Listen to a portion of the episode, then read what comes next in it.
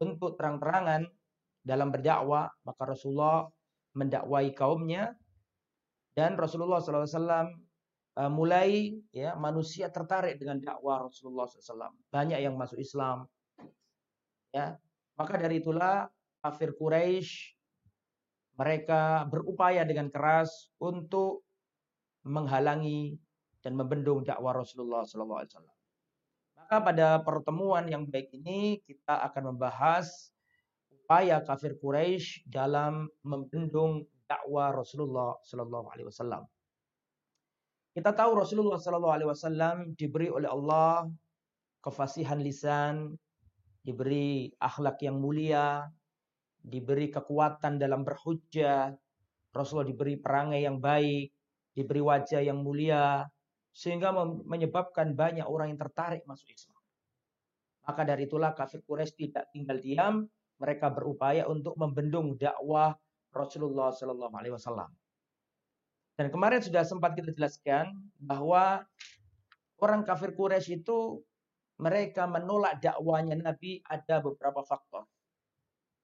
Ada beberapa latar belakang yang menyebabkan mereka membenci dan membendung dakwah Rasulullah. Yang pertama adalah alasan ideologi, alasan akidah. Ya, karena Rasulullah SAW datang membawa akidah yang akidah ini berbeda dengan akidahnya kaum kafir Quraisy. Mereka adalah kaum yang menyembah patung, kemudian datang Rasulullah mengajak mereka untuk bertauhid mengisahkan Allah. Tentu mereka nggak terima. Ya, karena mereka sudah sangat ya memegang teguh tradisi dan ajaran nenek moyang mereka menyembah patung. Ini adalah alasan yang pertama mengapa mereka benci dengan dakwah Rasulullah. Yang nomor dua, dari sisi sosial. Dari sisi sosial. Islam datang dengan membawa keadilan, membawa persamaan. Sedangkan itu tidak ada di zaman jahiliyah. Mereka nggak mau kalau masuk Islam setara dengan Bilal, setara dengan Eh, orang-orang lemah, sholat bareng dengan orang-orang yang lemah, dengan orang-orang miskin. Mereka nggak mau. Karena mereka merasa ya bangsawan, terpandang, ya punya kedudukan. Kalau masuk Islam, nanti kalau sholat bareng sama orang-orang lemah. Jadi mereka nggak mau. Dari sosial ini menyebabkan mereka nggak mau untuk masuk Islam.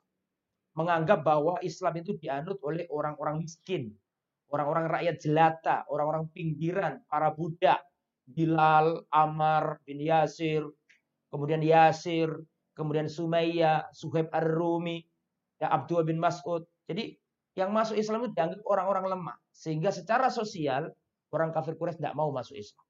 Menganggap ini adalah uh, akidahnya atau keyakinannya orang-orang lemah. Itu dari sisi sosial. Dari sisi ekonomi juga termasuk. Karena kalau Islam itu didakwakan, berarti mengajak manusia kepada tauhid. Sedangkan di antara pekerjaannya orang Mekah adalah membuat patung. Kalau mengajak kepada tauhid, menyembah Allah saja, otomatis dagangan mereka, patung-patung, ya, gak laku. Jadi banyak motif mengapa mereka itu berupaya siang malam membendung dakwanya tapi motif yang paling utama, faktor yang paling utama adalah faktor akidah, faktor ideologi yang mana Rasulullah datang dengan tauhid untuk menghancurkan kesyirikan. Maka mereka berupaya. Apa yang dilakukan mereka? Pertama yang dilakukan mereka adalah ya, yang pertama yang dilakukan mereka adalah berusaha merusak nama baik Rasulullah. Ya, saya ulangi ya, upaya kafir Quraisy dalam membendung dakwah Rasulullah. Upaya yang pertama adalah dengan merusak citra dan nama baik Rasulullah SAW. Kita ketahui bahwa Rasulullah, Rasulullah adalah al-amin. Rasulullah adalah orang yang terpercaya. Rasulullah adalah orang yang amanah. Ya, bahkan tidak pernah berbohong. Orang kafir Quraisy mengatakan, Majarrabna minka kadibul Kami nggak pernah tahu engkau berdusta wahai Muhammad. Jadi Rasulullah ketika sebelum umur 40 tahun, kaum orang-orang kafir Quraisy sepakat bahwa Nabi Muhammad adalah orang terbaik di kota Makkah. Tapi ketika Rasulullah SAW diangkat menjadi Rasul umur 40 tahun, maka mereka ini berusaha merusak citra Nabi. Berusaha merusak nama baik Nabi agar orang ini nggak mau masuk Islam. Dan yang usul itu adalah seorang sohornya kafir Quraisy, ya, ya dia namanya namanya adalah Al Walid ibn al Mughirah. Ya, Al Walid ibn al Mughirah ini adalah seorang yang punya ide. Ya, karena sebentar lagi jemaah haji dari seluruh jazirah Arab datang ke kota Mekah. Dan Rasulullah itu tutur bahasanya bagus, wajahnya bagus, akhlaknya bagus. Kalau ngajak orang itu dengan cara yang lembut, maka khawatir kafir Quraisy itu nanti banyak orang yang masuk Islam. Jemaah-jemaah haji itu akan masuk Islam. Maka khawatir. Maka uh, cara yang pertama dilakukan Al-Walid bin Mughirah adalah merusak citra Rasulullah dengan cara membusukkan nama Rasulullah. Maka mereka rapat. Dan mereka mengatakan, ayo kita punya satu sikap merusak nama Muhammad SAW. Menurut kalian apa gelar yang terbaik untuk menjelekkan Muhammad? Gelar yang cocok untuk menjelekkan nama Muhammad. Ada yang mengatakan, saya punya usul. Bagaimana kita tuduh atau kita namakan Muhammad sebagai sahir penyihir. Supaya orang-orang ya jauh dan nggak nggak berani dekat-dekat Muhammad, kita juluki Muhammad dengan sahir penyihir. Maka Al-Walid bin Muhira mengatakan, la, la, la, la. jangan kau gelari Muhammad dengan penyihir. Karena nggak pantas dia itu penyihir. Wajahnya bagus, akhlaknya baik. Kita nggak pernah dia itu nyuwo orang. Kita nggak pernah lihat itu dia meniupkan buhul. Kita nggak pernah dia itu mengikat, mengikat ikatan untuk diberi mantra. Nggak pernah. Jadi jangan penyihir. Muhammad tak pantas jadi penyihir. Yang lain. Maka ada yang usul lagi, bagaimana kalau kita juluki Muhammad dengan syair, penyair. Maka Al-Walid bin Muhirah lah, dia bukan penyair. Kita tahu, kita tahu penyair, kita tahu bagaimana sastra Arab. Yang diomongkan Muhammad itu beda. Bukan syair atau bukan syair yang diomongkan Muhammad. Yang lain. Maka ada yang usul. Ya sudah kalau gitu kita gelari Muhammad dengan majnun, orang gila, orang yang kena jin, ketempelan jin. Maka Al-Walid bin Muhirah mengatakan, lah, nggak mungkin orang percaya. Muhammad itu orangnya bijak. Nggak mungkin kalian tuduh dia dengan orang gila. Orang gila itu, ya kita tahu orang gila. Orang gila tidak seperti itu. Dan kalau kamu sebut Muhammad orang gila, nggak ada orang percaya. Yang lain. Maka ada yang usul, bagaimana kalau kita juluki dia dengan kahin, dukun. Maka kata Al-Walid bin Mughirah, lah jangan dijuluki dukun. Tidak ada orang percaya nanti. Kita tahu dukun. Bagaimana dukun itu ya membacakan mantra, membacakan jampi. Muhammad tidak dukun. Ada orang percaya kalau dia dukun. Akhirnya orang-orang mengatakan, kalau begitu bagaimana pendapatmu, wahai Al-Walid bin Mughirah? Maka Al-Walid bin Mughirah mengatakan, ya dari semua yang kalian bicarakan tadi, kalian tahu bahwa Muhammad bukan seperti itu. Tapi kalau kalian mau menggelari Muhammad yang paling dekat adalah kita juluki Muhammad dengan as-sahir yaitu penyihir. Mengapa kok penyihir? Karena penyihir itu kan biasanya memisahkan suami istri. Dan Muhammad ini ketika mendakwakan Islam memisahkan suami istri. Istrinya masuk Islam, cerai. Atau suaminya yang masuk Islam, akhirnya cerai. Jadi mirip penyihir. Maka mulai sekarang, ayo kita burukkan namanya Muhammad dengan menjuluki dia sebagai penyihir. Jadi dipahami ya? Maka akhirnya ketika jamaah haji datang, zaman dulu ada jemaah haji, orang kafir Quraisy pun jemaah haji. Atau orang luar Arab pun di masa jahiliyah ada haji, tapi haji yang menyimpang dari ajaran Nabi Ibrahim alaihissalam. Maka ketika ada jemaah haji didakwai Rasulullah, maka orang kafir Quraisy ya menyebarkan kampanye negatif dan mengatakan hati-hati dengan Muhammad, jangan percaya omongannya. Yaitu penyihir, hati-hati, kamu kena sihir nanti. Nah itu. Itu langkah yang pertama yang dilakukan kafir Quraisy uh, menentang dakwanya Nabi dengan cara merusak citra dan nama baik Rasulullah SAW. Itu yang pertama.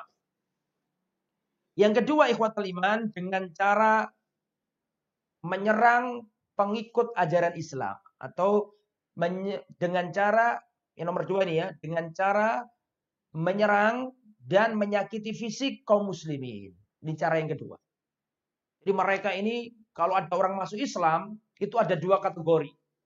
Ini cara yang kedua ya, saya ulangi, cara yang kedua adalah dengan cara mengintimidasi, menyerang, menyiksa orang yang masuk Islam. Ini cara yang kedua. Maka dulu di zaman jahiliyah kalau ada orang masuk Islam itu ada dua kemungkinan. Kemungkinan pertama orang kaya raya, keluarganya besar, kabilahnya besar. Yang kedua orang miskin, orang rendahan, para budak. Maka kafir Quraisy dalam bermuamalah kepada dua orang ini berbeda. Kalau yang masuk Islam itu orang lemah, orang miskin, maka dipukuli, disiksa, sampai berdarah-darah. Seperti Bilal bin Robah, ditarik, diseret ke padang pasir, ditimpakan batu besar yang menganga, terus ditambuki suruh masuk Islam. Seperti yang dilakukan oleh orang kafir Quraisy kepada Ammar. Bapaknya yang bernama Yasir dibunuh di hadapannya. Ibunya yang bernama Sumayyah ditombak kemaluannya. Bahkan ada seorang budak wanita nama namanya Zinnira. Zinnira ini seorang budak wanita dipukuli, disiksa sampai buta. Kemudian orang kafir Quraisy mengatakan yang menyebabkan kamu buta adalah Lata dan Uzza. Maka Zinnira mengatakan tidak, ini semua musibah datangnya dari Allah dan Allah lah yang akan mengangkat musibah ini. Kemudian Allah sembuhkan matanya Zinnira. Jadi begitu, itu kalau orangnya lemah, Suhaib Ar-Rumi. Pokoknya sahabat-sahabat yang lemah masuk Islam, maka dipukuli, disiksa, dianggap, dibunuh. Tapi kalau yang masuk Islam itu bangsawan, kalau yang masuk Islam itu adalah seorang yang punya kabilah besar, maka diembargo, dimelaratkan. Ya, usahanya dibikin bangkrut dan seterusnya. Itu adalah cara yang ketiga. Eh, maaf, cara yang kedua. Upaya kafir Quraisy dalam membunuh dakwah yang kedua adalah dengan cara mengintimidasi, kemudian apa namanya um, menyerang fisik, me, nyiksa, bahkan membunuh. Itu cara yang kedua. Cara ketiga yang dilakukan oleh kafir Quraisy adalah dengan cara dengan cara halus, ya, dengan cara lobby-lobby. Bagaimana caranya? Yaitu mereka mendatangi paman Nabi yang bernama Abu Talib. Kenapa? Karena Abu Talib ini pembackup dakwanya Nabi. Ini yang nomor tiga ya, dengan cara lobby, dengan cara yang halus, dan main cantik begitu. Ini yang nomor tiga. Mereka Zu'ama Quraisy, para pendekar-pendekar dan dedengkot-dedengkot kafir Quraisy berangkat menuju pamannya Nabi yaitu Abu Talib yang melindungi Nabi, membackup Nabi, yang apa namanya pasang badan untuk dakwanya Rasulullah SAW. Itu Abu Talib. Abu Talib ini cinta sama Nabi. Merawat Nabi dari umur 8 tahun sampai dia wafat Nabi umur 50 tahun.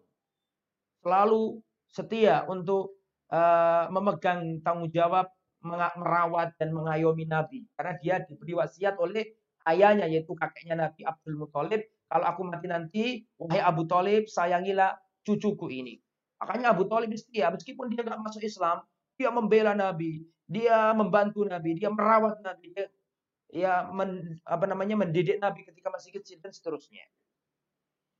Maka orang kafir Quraisy ini tahu bahwa Muhammad SAW itu memiliki benteng yang kokoh. Dan benteng yang kokoh itu adalah pamannya yang bernama Abu Talib.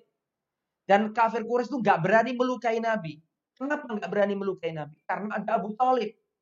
Sungkan sama Abu Talib mereka itu. Maka orang-orang kafir Quraisy ini melakukan cara yang ketiga itu dengan cara lobby, dengan cara halus, ya mereka mendatangi paman Rasulullah Shallallahu Alaihi Wasallam yang bernama Abu Talib. Mereka datang dan mengatakan, Ya Abu Talib, inna bna akhika qad sabba alihatana wa abadinana wa dhallala aba'ana. Wahai Abu Talib, sesungguhnya keponakanmu mencela Tuhan-Tuhan kita dan mencela agama kita. Dia menyesatkan nenek moyang kita. Fa'imma bisa dengan yang pertama engkau tahan dia, engkau apa namanya? engkau jadikan dia berhenti dari dakwanya, ya kau larang dia Kalau kau nggak mau melarangnya, ya sudah nggak apa-apa. Saya kasih opsi yang kedua. Biarkan kami yang bertindak dan menghabisi keponakanmu. Jadi dikasih opsi Abu Talib. Wahai Abu Talib, kau adalah sayyid kami. Kau adalah orang tua yang kami hormati. Sedangkan keponakanmu Muhammad ini Wasallam mendakwakan Islam. Menjelek-jelekkan agama kita. Ya, menjelek-jelekkan sesembahan kita. Menyesatkan nenek moyang kita. Ya, Tolong cegah dia atau kalau enggak biarkan kami yang bertindak. Tolong sampaikan kepada ponakan. Maka Abu Talib menjawab dengan bahasa-bahasa sederhana, bahasa politik, oke oke nanti tak sampaikan begitulah. Kira-kira begitu. Ya gak, ter, gak terlalu ditanggapi serius sama Abu Talib. Maka ketika orang kafir Quraisy itu pulang, Abu Talib gak mau ambil pusing. Tadi gobris. Dan tidak diceritakan ke Nabi. Karena Abu Talib ini sayang sama Nabi. Gak mau Rasulullah terbebani atau nggak mau Rasulullah sedih, maka nggak diceritakan sama Abu Talib. dianggap angin lalu gitu aja. Ini adalah cara yang ketiga. Dengan cara lobby, main halus. Tapi itu pun nggak berhasil. Nah, maka melahirkan cara yang keempat. Cara yang keempat adalah dengan cara ancaman. Rasulullah belum disentuh ini. Rasulullah belum ditonjoki. Rasulullah belum dipukuli. Belum. Ini masih pakai cara-cara seperti itu. Jadi cara yang pertama mereka merusak citra atau nama baik Nabi. Cara yang kedua mereka menyiksa dan mengintimidasi bahkan langsung dengan tindakan fisik yang menyiksa para sahabat Nabi. Yang nomor tiga dengan cara mendekati pamannya Nabi. Yaitu Abu Talib di lobi untuk menghentikan dakwah Rasulullah. Tidak berhasil juga. Maka mereka bingung bagaimana ini gak berhasil. Maka melahirkan cara yang keempat. Apa cara yang keempat ini? Cara yang keempat ini adalah dengan cara memberi ancaman kepada Abu Talib. Nah, ini nggak main-main karena yang kedua. Kalau yang pertama tadi masih ya masih halus lah. Yang nomor tiga maksud saya. Maka ini cara yang keempat. Cara keempat ini mengancam Abu Talib. Mereka datang dan mengatakan, Ya Abu Talib innalaka sinnan wa syarafan wa manzilatan fina. Wahai Abu Talib, kau adalah orang yang punya usia yang sudah ber, yang sudah senja. Kau adalah orang yang ketua kami. Kau adalah orang yang uh, kami anggap punya kedudukan tinggi, punya kemuliaan. Tapi keponakanmu selalu menjelek-jelekkan agama kita.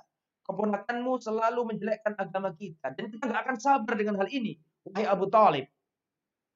Ya, kalau engkau tidak segera mencegah keponakanmu, kami akan bertindak dan menghabisi keponakanmu. Wah ini sudah sudah ngancam ini. Sudah ngancam. Ini cara yang keempat. Akhirnya Abu Talib merasa ini ternyata bukan uh, gertakan semata. Ini serius berarti. Kalau yang pertama tadi, yang poin yang nomor tiga maksud saya, tadi kan dengan cara melobi baik-baik sama Abu Talib. Yang nomor empat ini terang-terangan dan mengintimidasi, mengancam Abu Talib. Berarti Abu Talib menganggap ternyata ini bukan sesuatu yang uh, remeh ini, besar masalahnya ini. Akhirnya Abu Talib memanggil Rasulullah Shallallahu Alaihi Wasallam dan mengatakan, ya benar akhi, inna maka qad ja'ani wa qalu li kada wa kada. Wahai keponakanku, kaummu telah mendatangi aku. Orang kafir Quraisy datang kepadaku dan berkata kepadamu, eh, berkata tentangmu bahwa aku disuruh untuk menghentikan dakwamu, wahai ponakanku. Dan mereka mengancammu, hati-hati. Kalau bisa hentikan dakwamu. Nah, gitu. Dan jangan kau bebankan kepadaku, wahai ponakanku, perkara yang aku nggak mampu memikulnya. Akhirnya Rasulullah SAW mikir. Kelihatannya sang paman mulai kendur. Kelihatannya sang paman mulai apa namanya mulai mundur dari mendukungnya.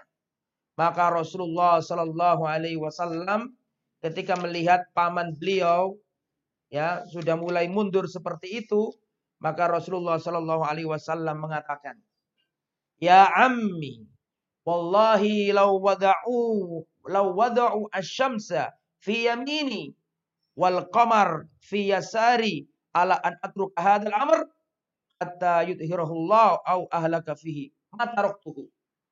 Wahai paman, seandainya mereka kafir Quraisy meletakkan matahari di sebelah kananku dan mereka meletakkan rembulan di arah kiriku agar aku meninggalkan dakwah ini, wallahi aku tidak akan meninggalkan dakwah ini wahai paman sampai Allah memenangkan aku atau membinasakan aku. Sampai aku menang atau aku binasa dalam dakwah ini. Aku tidak akan mundur wahai pamanku meskipun aku tidak membela. Kemudian Rasulullah nangis. Setelah melihat pemandangan seperti itu, maka Abu Talib semangat lagi dan memberi motivasi dan mengatakan, "Idhab ya akhi, pergilah wahai keponakanku. Fakul ma'ahdabta, dakwakan, katakan sesuka hatimu. Dakwakan apa yang diperintahkan kepadamu. Wallahi tidak pernah aku serahkan kamu kepada mereka. Aku akan tetap melindungimu. Aku akan tetap menjagamu. Aku akan tetap pasang badan untukmu, wahai ponakanku. Tidak pernah aku serahkan kamu kepada mereka.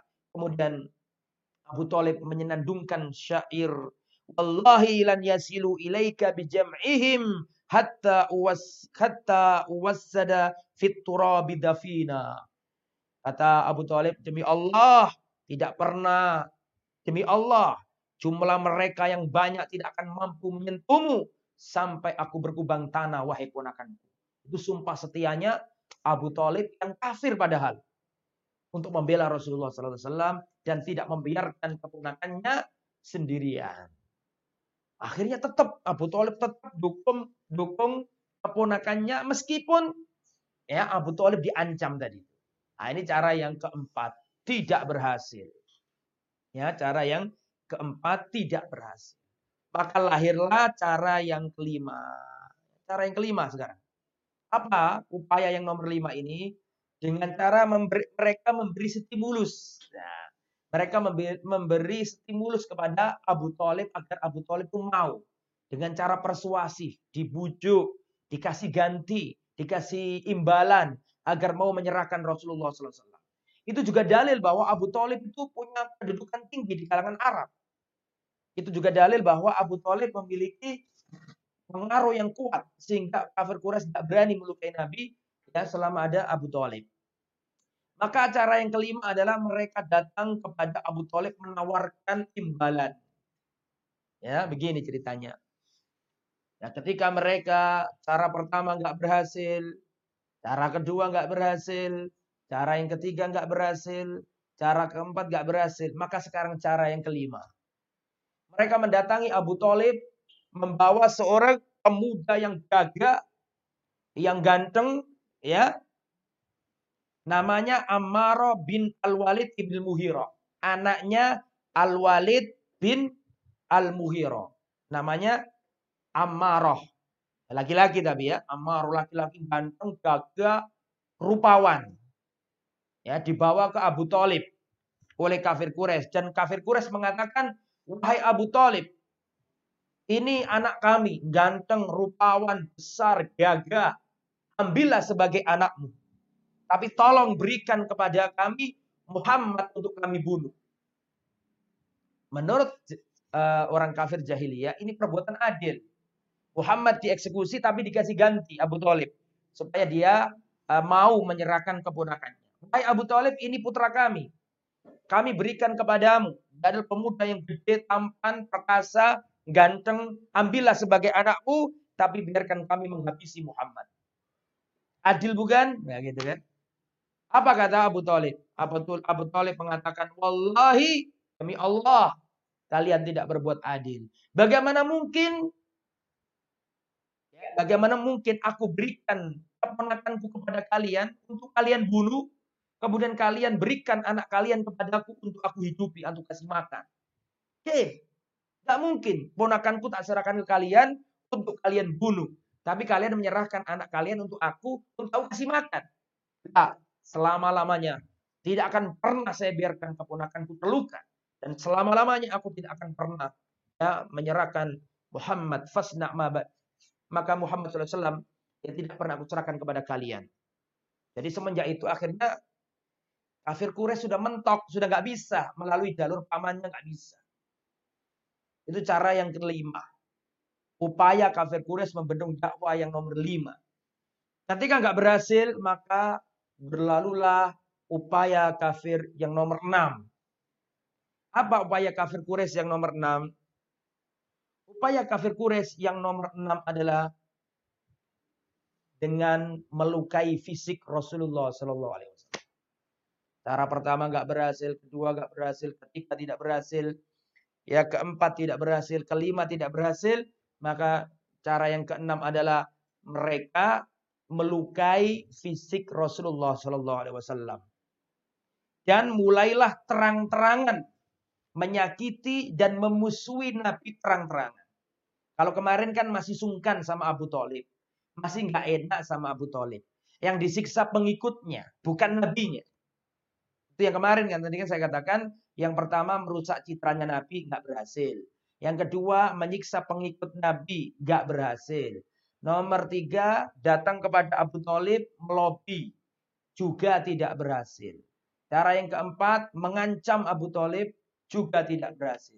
Cara nomor lima memberi stimulus iming-iming kepada Abu Talib juga tidak berhasil.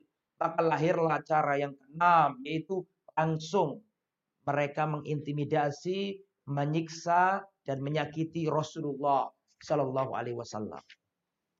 Jadi untuk menyakiti Rasulullah butuh berapa tahapan tadi? Butuh lima tahapan. Karena mereka itu tahu Rasulullah itu orang baik.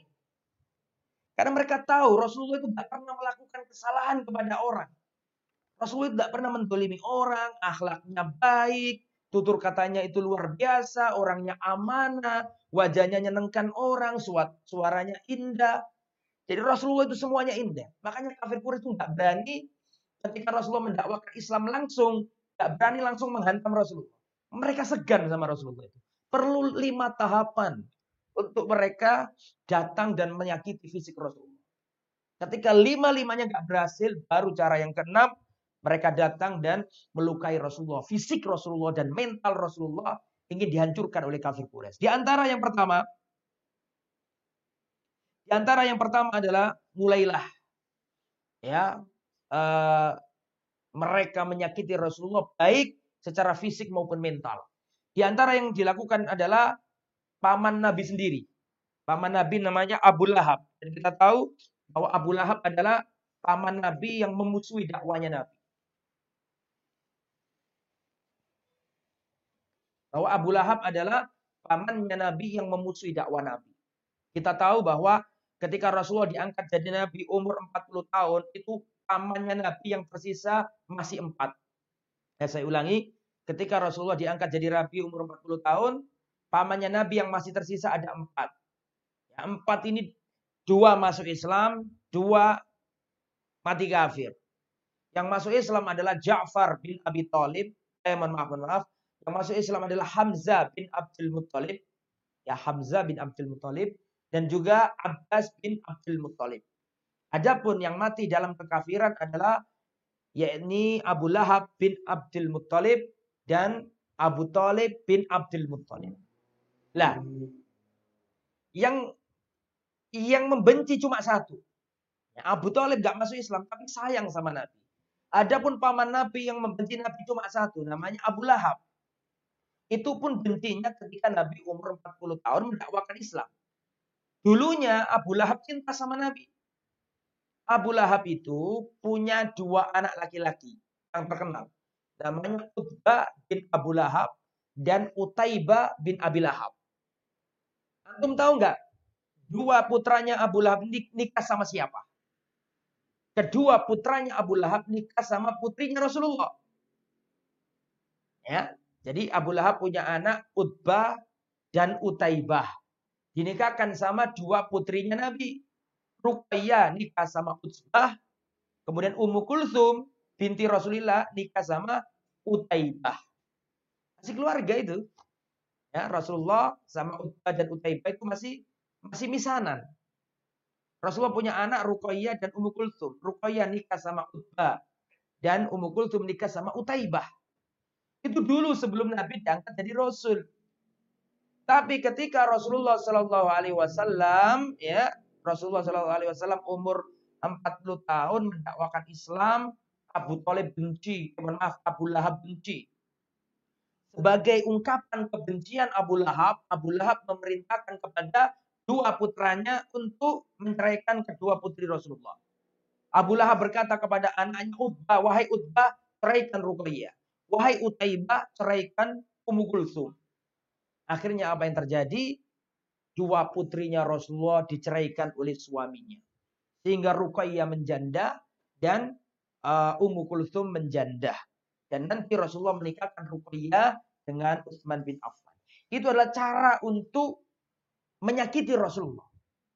Ya, kedua putrinya dijadikan janda. Yang melalui usulan Abu Lahab. Itu yang. Kemudian yang kedua, di antara bentuk yang nomor enam ini upaya membendung dakwah Nabi dengan cara kasar yang sudah main fisik adalah yang dilakukan oleh pamannya sendiri, yaitu Abu Lahab. Ketika Rasulullah SAW mendatangi kaum eh, orang-orang suku-suku yang datang ke Mekah, didatangi Nabi, diajak masuk Islam, maka paman dia, paman Rasulullah yang bernama Abu Lahab itu ada di belakang ada di belakang Rasulullah sambil melempar Rasulullah dengan batu dan mengatakan jangan percaya dia, dia adalah pembohong. Jangan percaya dia, dia itu orang yang suka berdusta. Padahal pamannya sendiri. Terang-terangan memukuli Nabi pakai batu. Ketika Rasulullah mendakwai orang akan masuk Islam, pamannya di belakang melempar batu dan mengatakan jangan percaya, dia itu pembohong, dia itu dusta. Padahal dulu Abu Lahab itu cinta sama Nabi. Begitu juga dengan istrinya Abu Lahab. Istrinya Abu Lahab gak kalah sadis. Dia membawa kayu bakar. Nah, dia meletak, dia membawa apa namanya duri. Ditaruh di jalannya Rasulullah menuju masjid. Nah, supaya Rasulullah keinjek ketika malam hari. Ditaruh di depan pintu rumah Rasulullah SAW. Dan Abu Lahab itu rumahnya berjejeran. Atau rumahnya itu kata orang Jawa tunggal gedek. Ya, artinya deket banget sama rumahnya Rasulullah SAW. Berdampingan rumahnya Rasulullah sama Abu, ja, Abu Lahab. Abu Lahab paman Nabi dan istrinya Ummu Jamil itu juga sama-sama buisnya. Sama-sama melukai Nabi. Sama-sama menyakiti Nabi. Baik dengan lisan maupun dengan perbuatan nyata melukai fisik Rasulullah SAW. Ketika turun surat Tabat Yada Abi Lahabi wa Tab. Celakalah kedua tangan Abu Lahab. Begitu juga dengan istrinya. Celaka. Maka istrinya Abu Lahab marah ketika turun Al-Quran itu. Maka mereka mendatangi Rasulullah SAW pada waktu itu Rasulullah bersama Abu Bakar. Tetapi Allah menguasakan istrinya Abu Lahab tidak bisa melihat Rasulullah SAW.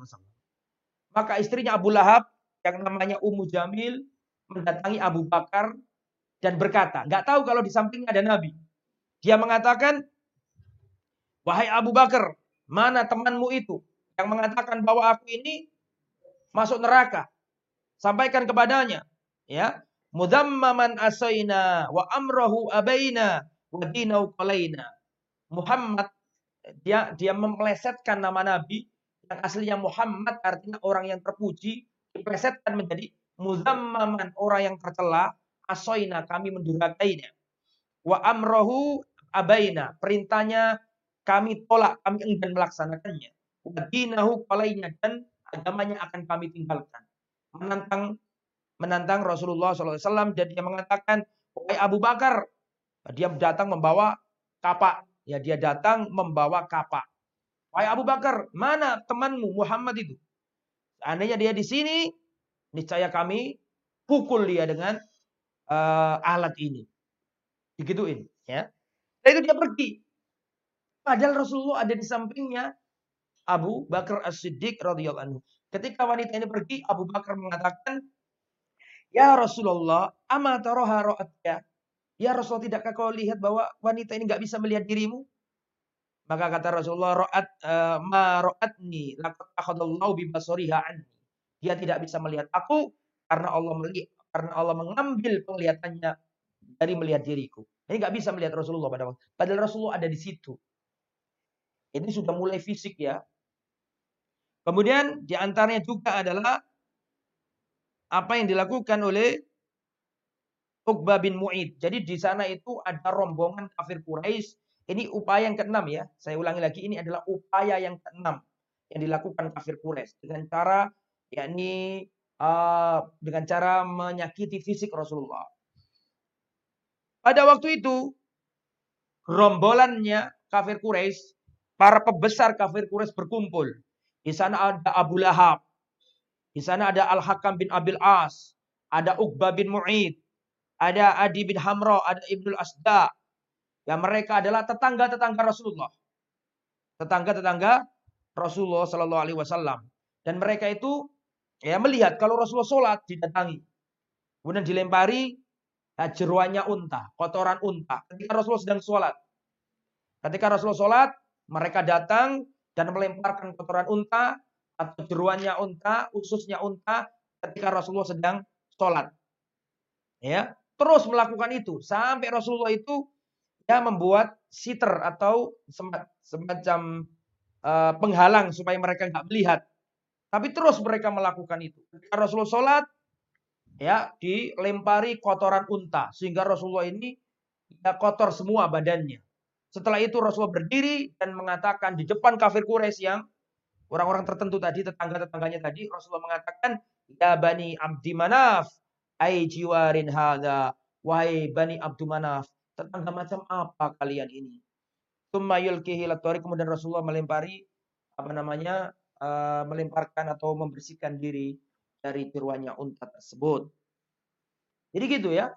Bahkan Rasulullah Shallallahu Alaihi Wasallam pernah sholat di Masjidil Haram. Rasulullah Shallallahu Alaihi Wasallam sholat di Masjidil Haram, sedangkan di situ dedengkot-dedengkot kafir Quraisy sedang sedang bermajlis. Ya kalau bahasa orang Surabaya lagi cangkruan. Mereka lagi cangkruan. Pembesar-pembesar kafir Quraisy ini duduk-duduk di Masjidil Haram. Terus datang Rasulullah sholat. Datang Rasulullah sholat di Masjidil Haram. Kemudian salah seorang dari kafir Quraisy mengatakan seandainya salah seorang di antara kita ini mengambil ya ususnya unta atau jeruannya unta dibawa ke sini terus kalau Muhammad duduk atau sujud kita lemparkan ke punggungnya siapa yang mau bawa akhirnya berdirilah seorang yang paling durjana yaitu Uqbah bin Abi Mu'id Uqbah bin Abi Mu'id mengambil kotoran itu. Ya. Maka ketika Rasulullah SAW sujud, Uqbah bin Mu'id meletakkan meletakkan apa kotoran tadi di punggung Rasulullah Sallallahu Alaihi Wasallam. Hatta idza sajadan Nabi Sallallahu Alaihi Wasallam wadoa ala dhuhri baina katifai. Kalau Rasulullah sudah sujud, maka dilemparkanlah kotoran-kotoran itu di punggung Rasulullah Sallallahu Alaihi Wasallam. Nah, ini diceritakan oleh Abdullah bin Mas'ud. Abdul bin Mas'ud mengatakan, ya, kafir Quraisy mereka duduk-duduk di Masjidil Haram, datang Rasulullah sholat. Kemudian oh, mereka berbisik satu sama lain, siapakah di antara kita yang mengambil kotoran dilemparkan ke punggungnya Muhammad ketika sujud. Maka berdirilah Uqbah bin Mu'id mengambil kotoran itu dan ketika Rasulullah sujud maka dibuang di punggungnya Rasulullah Shallallahu Alaihi Wasallam. Kemudian Rasulullah terus sujud dalam keadaan di Eh, apa namanya dilemparkan dilemparkan kotoran kepada beliau. Beliau tetap sholat sampai datang Fatimah. Sampai datang Fatimah dan membersihkan punggungnya Rasulullah SAW. Datang Fatimah, putri Rasulullah tercinta, ya membersihkan punggungnya Rasulullah Sallallahu Alaihi Wasallam. Setelah itu Rasulullah berdiri dan Rasulullah melihat kafir Quraisy yang yang ingin menyakitinya atau kafir Quraisy yang tertawa terbahak-bahak melihat Rasulullah disakiti seperti itu, Ketika Rasulullah berlumuran dengan kotoran seperti itu, mereka tertawa terbahak-bahak. Maka Rasulullah berdiri dan Rasulullah menyebutkan nama mereka satu persatu. Allahumma alaika bi Quraisy, Allahumma alaika bi Abi Jahl, Allahumma alaika bi Tubba bin Rabi'ah, Allahumma alaika bi Syaibah bin Rabi'ah, Al-Walid bin Utbah, Umayyah bin Khalaf, Uqbah bin Abi Mu'id. Ya Allah, bereskanlah mereka ini ya Allah. Ya Allah perangilah Abu Jahal, Kemudian Uqbah bin Rabi'ah, Syaibah bin Rabi'ah, Al-Walid bin Utbah, Umayyah bin Khalaf, Uqbah bin Abil Mu'id. Sebutkan satu persatu nama-nama mereka. Kita tahu tempat di Masjidil Haram itu tempat yang mustajabah. Ketika mereka melihat Rasulullah berdiri dan menyebutkan nama mereka satu persatu, mereka ketakutan. Karena mereka tahu bahwa doa orang terdolimi di tanah haram itu sangat mustajabah. Maka mereka ketakutan. Dan sejarah mencatat Orang-orang yang namanya disebut Rasulullah tadi itu mereka tewas dalam perang Badr Al-Kubra. Nanti orang yang melukai Nabi di Masjidil Haram, yang melempari kotoran Nabi sambil tertawa terbahak-bahak itu disebutkan namanya satu persatu oleh Nabi dan sejarah mencatat mereka itu nanti terbunuh semuanya dalam perang Badr ya karena mereka kena doanya Rasulullah Shallallahu Alaihi Wasallam doa orang yang terdolimi Nah, ini adalah enam upaya ikhwatal iman yang dirahmati oleh Allah Subhanahu wa taala. Sebenarnya masih ada lagi upaya mereka ya. upaya mereka ini adalah upaya yang nomor berapa tadi? Nomor 6. Masih ada lagi upaya mereka dan insya Allah akan kita terangkan pada kesempatan selanjutnya. Taib. Atau kita jelaskan sekarang ya ikhwah. Itu cara keberapa tadi? Mas Adri ya? Keberapa tadi? Mas Adri. Keenam ya. Sekarang cara yang ketujuh. Ya, cari jadi gak berhasil cara-cara mereka ini. Upaya yang pertama membuat citra Nabi itu buruk, menjelekkan nama Nabi nggak berhasil. Cara yang kedua menyiksa para pengikut Nabi nggak berhasil, tetap mereka kuat solid. Cara yang ketiga mereka melobi pamannya Nabi Abu Talib, nggak berhasil. Cara keempat mereka mengancam pamannya Nabi Abu Talib untuk menghentikan dakwah Nabi, nggak berhasil juga. Cara yang nomor lima memberi mereka memberi stimulus, memberi imbalan kepada Abu Talib agar anaknya atau keponakannya Rasulullah SAW itu dihabisi. Tetap nggak berhasil. Maka cara yang keenam yaitu mereka menyakiti Nabi dengan fisik, ya melukai Nabi, dan itu pun nggak berhasil. Nah, lahirlah cara yang ke berapa berarti? Ketujuh. Nah, yang ketujuh ini adalah cara cara apa namanya bujuk rayu kepada Rasulullah langsung. Kalau tadi kan bujuk rayu kepada Abu Thalib, sekarang adalah bujuk rayu atau cara yaitu tadi dengan cara persuasif, persuasif mendatangi Nabi, membujuk Nabi, memberi stimulus kepada Nabi imbalan-imbalan duniawi. Ada seorang yang bernama ini penting ya, dan harus dicatat ikhwatul iman. Ada seorang yang bernama Utbah bin Robi'ah. Utbah bin Robi'ah ini adalah pendekar dianggap senior di kalangan kafir Quraisy. Namanya Utbah bin Robi'ah. Dia ini ngomong sama teman-temannya, sama Abu Jahal dan teman-temannya.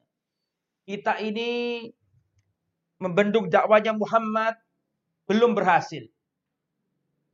Dengan cara halus gak berhasil. Dengan cara lobby-lobby gak berhasil. Dengan cara intimidasi gak berhasil. Bahkan sudah ada enam cara tadi gagal semuanya. Kata Utbah bin Robi'ah, Abdul Walid ya, kunyanya, Wahai orang-orang kafir Quraisy, begini aja. Biarkan aku datang kepada Muhammad sallallahu alaihi wasallam dan aku akan tawarkan kepada dia urusan-urusan atau perkara-perkara dunia agar dia meninggalkan dakwanya. Daripada kita lukai dia, tetap nggak bisa. Dengan cara apa pun dia tetap ya bersikuku untuk menyebarkan dakwanya. Sekarang izinkan aku cara yang ketujuh. Nah, gitu ya.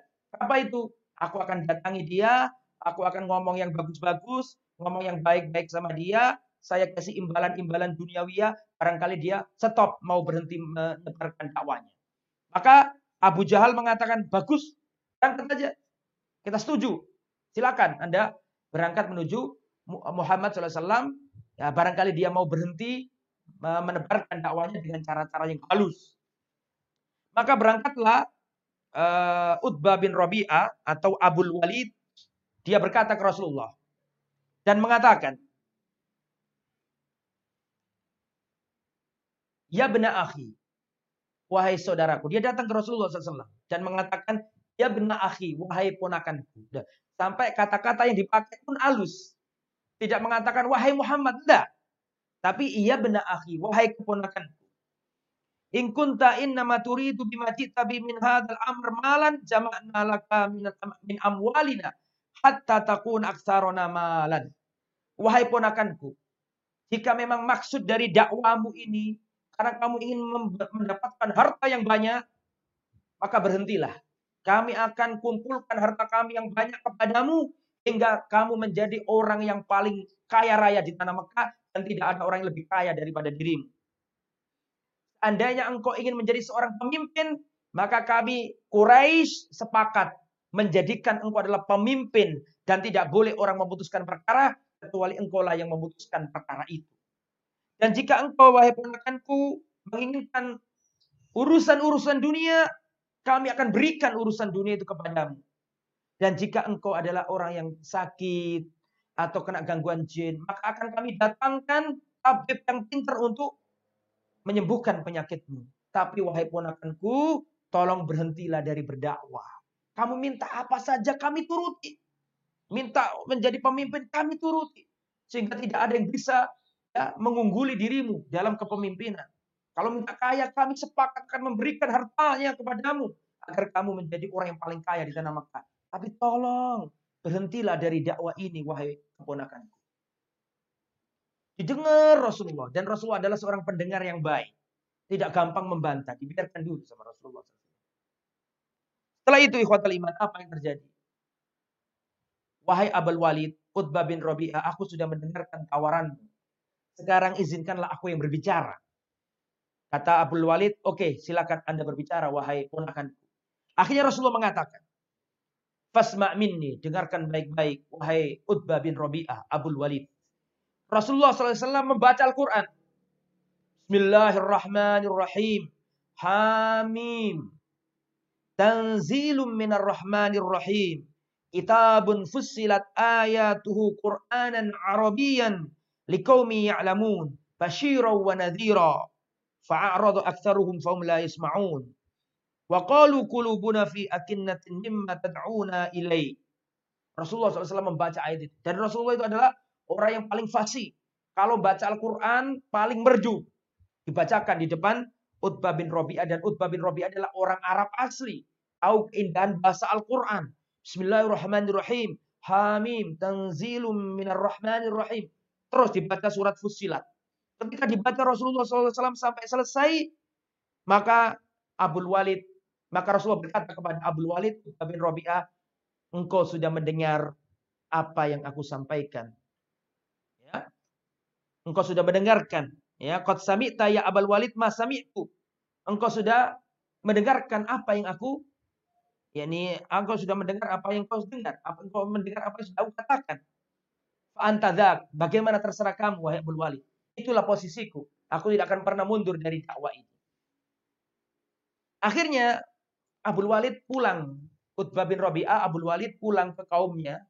Orang-orang penasaran nih, Abu Jahal, Abu Lahab, penasaran kira-kira bagaimana hasilnya itu. Maka datanglah Abdul Walid Utbah bin Rabi'ah. Dari jauh dilihat sama sama Abu Jahal. Kata Abu Jahal, lihat orang ini. Wajah ketika datang berbeda dengan wajah ketika pulang. Kelihatannya ada yang aneh dari, dari orang ini. Kalau datang dan mengatakan, Abu Jahal mengatakan, wahai Abdul Walid, Utbah bin Rabi'ah, bagaimana hasilnya? Bagaimana hasil lobby yang kamu perankan menawari halus Muhammad tentang perkara dunia supaya menghentikan dakwanya? Bagaimana hasilnya? Maka Abdul Walid mengatakan, perhatikan. Aku bersumpah. Abdul Walid mengatakan bahwa, maaf, Abdul Walid mengatakan, aku sudah mendengar Muhammad. Wallahi yang disampaikan itu bukan sihir. Dia juga bukan penyair. Dia juga bukan dukun. Wallahi yang disampaikan itu adalah kata-kata yang indah. Aku punya ide. Lebih baik biarkan saja Muhammad ini. Jangan kita sakiti dia, biarkan saja. Kalau memang dia ini pendusta, nanti pasti orang Arab akan membunuhnya. Gak usah kita orang-orang Quraisy. Kalau benar-benar dia itu pendusta, oh nanti akhirnya dia juga akan dibunuh oleh orang-orang Arab yang lain.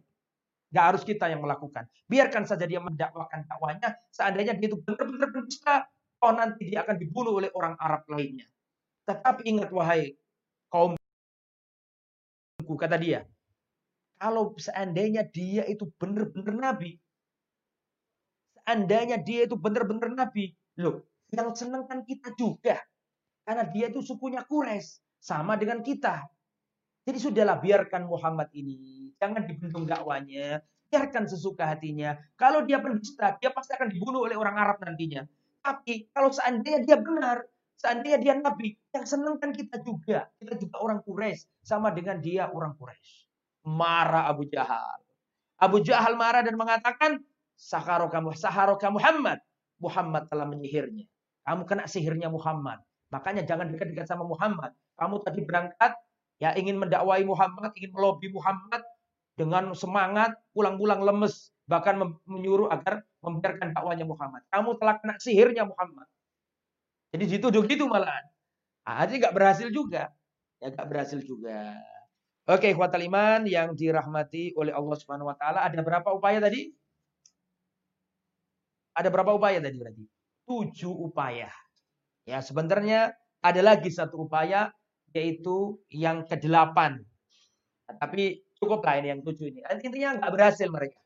Cara yang pertama, ya mereka membuat citra yang buruk untuk nama Rasulullah. Gagal, nggak berhasil. Cara yang kedua, mereka menyiksa para pengikut Nabi. Gagal. Tetap mereka kokoh dengan keimanan. Cara yang ketiga, mereka datang ke Abu Talib, melobi secara halus Abu Talib. Gagal, nggak berhasil. Cara yang keempat, mereka datang mengintimidasi, mengancam Abu Talib. Tetap nggak berhasil. Cara yang kelima mereka datang ke Abu Talib memberi imbalan, memberi bujuk rayu kepada Abu Talib tetap tidak berhasil. Cara yang keenam mereka main kasar, mendatangi Nabi, melukai Nabi, melempari Nabi dengan kotoran, itu pun tidak berhasil. Maka cara yang ketujuh dengan cara halus mendatangi Nabi, dikasih imbalan-imbalan dunia, suruh berhenti dakwah, gak berhasil juga. Itulah sebagian dari upaya kafir Quraisy. Masih ada upaya-upaya yang lain, tapi itu tadi adalah rangkuman ya tujuh upaya kafir Quraisy dalam membendung dakwah Rasulullah Sallallahu Alaihi Wasallam. Sampai di sini nggak tahu ada pertanyaan apa enggak ini? Nggak ada mas ya? Tayyib. Ikhwatal iman yang dirahmati oleh Allah Subhanahu wa taala, eh, demikianlah apa yang telah bisa disampaikan. Ya, kita tahu bagaimana upaya kafir Quraisy dalam membendung dakwah Rasulullah SAW dan akhirnya mereka ya tidak sanggup menghentikan dakwah Rasulullah SAW karena tidak ada yang uh, pertanyaan maka saya genapkan menjadi 8 dan ini adalah upaya yang uh, nomor 8 ini penting sebenarnya untuk disampaikan. Nah, karena tidak ada pertanyaan maka ini yang ke-8 ya. Cara yang delapan adalah mereka mereka datang ke negeri Madinah untuk ya mencari berita tentang kebenaran Muhammad ini nabi apa enggak? Mencari kebenaran Nabi Muhammad nabi apa enggak? Mengapa orang kafir Quraisy datang ke Madinah dan ber, um, bertanya kepada orang Yahudi? Karena orang Arab jahili itu tahu Yahudi itu punya kitab namanya Taurat, ngerti ada uh, kalam ilahi itu ngerti mereka. Maka cara yang nomor delapan adalah mereka datang ke Madinah. Ini akibat usulan An-Nadhr bin Haris. Nadhr bin Haris ini punya usul. Ya, Nadhr bin Haris punya usul. Dan mengatakan, wahai orang-orang Quraisy, kalian ini nggak bisa mencegah Muhammad. Cara satu sampai tujuh nggak berhasil. Dulu dia itu anak yang baik, amanah, kalian cintai semuanya sekarang menjadi orang yang kalian benci. Dan kalian tidak akan mampu membendung dakwanya, kecuali kalian harus konsultasi kepada orang Yahudi yang ada di kota Madinah. Jadi zaman itu sudah ada kong kali kong. Sudah ada, ya itu tadi, ya kerjasama antara kafir Quraisy dengan orang Yahudi di Madinah. Datanglah ke orang Yahudi dan tanyakan kepada orang Yahudi tentang kenabian. Benar nggak Muhammad ini nabi? Maka berangkatlah ya sebagian orang kafir Quraisy datang ke kota Madinah pada waktu itu belum Madinah, masih Yasrib. Bahkan Rasulullah belum hijrah pada waktu itu. Di Madinah ada komunitas Yahudi. Maka datanglah mereka ya dan mengatakan kepada orang Yahudi, ya mereka bertanya kepada Yahudi, benar enggak ini Muhammad ini nabi? Maka dijelaskan sama orang Yahudi. Untuk mengetahui mereka nabi apa untuk mengetahui Muhammad benar-benar Nabi apa enggak, tanyakan ke mereka. Atau tanyakan ke Muhammad tiga hal. Pertama, tentang cerita pemuda yang masuk gua. Ceritakan ke mereka, tanyakan kepada Muhammad tentang pemuda yang masuk gua. Siapa mereka itu? Dan tanyakan kepada Muhammad tentang kisah seorang laki-laki yang menjelajahi bumi. Ya, menjelajahi bumi dengan eh, keadilannya, menguasai bumi dari timur hingga ke barat. Ya. Terus tanyakan tentang ruh Jadi mereka datang ke Madinah atau ke Yathrib untuk mengorek informasi tentang siapa sih Muhammad itu, benar nggak dia nabi? Dan yang ditanya kenapa orang Yahudi? Karena orang Yahudi punya kitab, Taurat. Sedangkan orang kafir jahiliyah nggak punya kitab, dia nggak ngerti gitu-gitu. Maka mereka datang ke Yathrib tanya ke orang uh, Yahudi yang ada di kota Madinah. Benar nggak Muhammad itu nabi? Ada orang di tanah Mekah, dia lahir yatim, ya, dia mengaku menjadi nabi, dapat wahid, wahyu dari langit, benar nggak dia nabi? Kata orang Yahudi ini, tanyakan ke dia yang ngaku nabi itu. Kalau bisa jawab tiga hal ini, berarti benar dia nabi.